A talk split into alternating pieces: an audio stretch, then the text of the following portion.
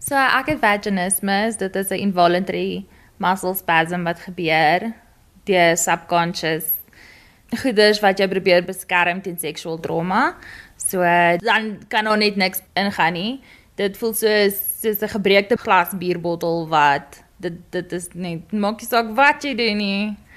It just closes up. Christine was vir 7 jaar vasgevang in 'n verhouding waar fisiese en emosionele geweld aan die orde van die dag was.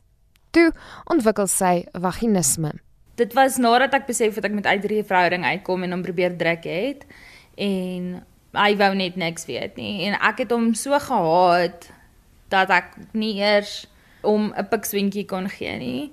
Met die toe nou wat hy wil seks hê toe het dit net randomly eendag net gevoel asof dit dit was baie baie baie seer ek het eers gedink ek het cervical kanker of iets want soos wat die hel gaan nou hier aan maar alles anders was normaal my periods was fine daar's niks ander tekens gewees nie Dis ek sê nee, dis dis okay. Dit moet dalk net my lyf wees wat hom haat. Dalk is dit omdat ek so graag nie met hom wil seks hê nie en dit soort van forced voel. Dalk is dit net my lyf wat hom haat en hom reject. Uiteindelik het sy dit reg gekry om uit die verhouding los te breek en 'n jaar later het sy 'n verhouding getree met die man wat haar gehelp het om te ontsnap. Ons was 'n paar maande in ons relationship in en ek het glad nie eers gedink aan die pynvolle seks wat ek van tevore gehad het nie, want ek wil nou mos saam met iemand wees. En ons was 'n paar maande saam en toe ons probeer het, toe is dit net 'n uh, baie groot soos what moment. Dit was baie confusing. Dit was baie scary. Dit het baie gesak.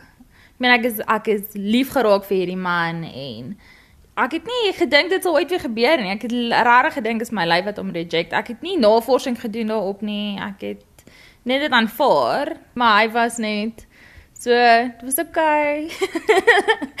en ehm um, ja, hy hy was net amazing. Daarmee gewees.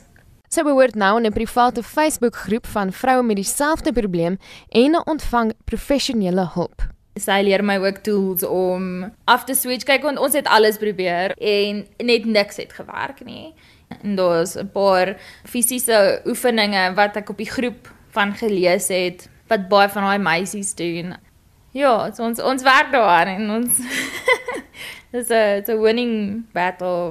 Maar hoe beïnvloed dit haar verhouding? Jy kan nie reg kwaad met 'n persoon wees as dit gevolg was van die dele wat hulle nie beheer oor het nie. Dis baie keer moeilik, maar enigiets worth doing is worth fighting for. So dit help nie dat jy opgee op die eerste sign van 'n bumpy road of die eerste grys wolkie in die lug. Jy weet dat die kleinste goeie tyd al die slegte tye werd is. Voordat Brenwen gaan navorsing doen het hier, oor het hy nie hiervan geweet nie om eerlik te wees vir my die eerste keer toe ons bymekaar so was, het dit nie anders gevoel nie. So van die man se oogpunt af, ek dink nie hulle voel daai involuntary clench en hoe seer dit is vir die partner. Dis eers, jy weet, as jy die uitdrukking op hulle gesig sien of iets dat jy aanvaar dat iets verkeerd is. Maar toe ons nou die navorsing gedoen het, daar's baie verskillende maniere dat jy hulle nog steeds bymekaar kan wees. Die toestand lei tot verskeie emosionele onsekerhede. So kinders is definitief een van die grootstes. Van die meisies het dit so erg. Daar is nie 'n opening omtrent nie. Hulle kan nie eers IVF doen nie want hulle kan nie eers 'n Q-tip daarin druk nie. En dan ook as jy single is of as jy 'n slegte experience gehad het met 'n man wat net gesê het nee, screw this, hy gaan nie hiermee deel nie om weer in 'n verhouding in te gaan en daai conversation met hulle te hê is baie nerve-wracking vir hierdie vrouens. Hulle weet nie hoe om te begin nie. Hulle weet nie wat om te doen nie. It's terrifying. Daar's boonop mense wat die toestand nie beskou as 'n ernstige en werklike mediese toestand nie. Baie mense sê gebruik net lube of drink net 'n glas wyn, relax net. En dan wil ek hulle teen die kop klap. So Nee, dit is nie hoe dit werk nie. Party dokters, baie ginekoloog glo ook nie in vaginismus nie. As dit die geval is, hoekom is daar vrouens wat onder die mes moet gaan en botox kry om net relief te kry? Intussen meen Brenwen daar moet baie meer hieroor gepraat word. Van 'n manlike oogpunt af, ek dink nie daar's enige gepraat hieroor nie. Ek dink nie dit het al ooit opgekom in enige braai talk of sport talk of enigiets nie. Ek is nie seker wat die statistieke is nie, maar ek sou ook dink dat daar darm een of ander vlak van inligting moet wees by 'n ginekoloog se kantoor. Soos Christine ook gesê het, daar is vroumense met vrae, daar is vroumense wat dink daar's iets fout met hulle en as daar net 'n manier is of 'n plek is waar hulle daai inligting kan kry, is ek seker dit sal ook 'n groot verskil maak. As ek by die apteek kom, dan sien ek erectile dysfunction posters oral. Dan kom ons aan die posters wat sê, "Do you suffer from painful sex?" Gaan na hierdie dokter toe of whatever nie. Ten spyte van die uitdagings is Brenno en Christine nou reeds 3 jaar lank in 'n gesonde verhouding. As dit seer is en as daar iets fout is, moet jy bereid wees om op te hou en te praat daaroor en oplossings te soek.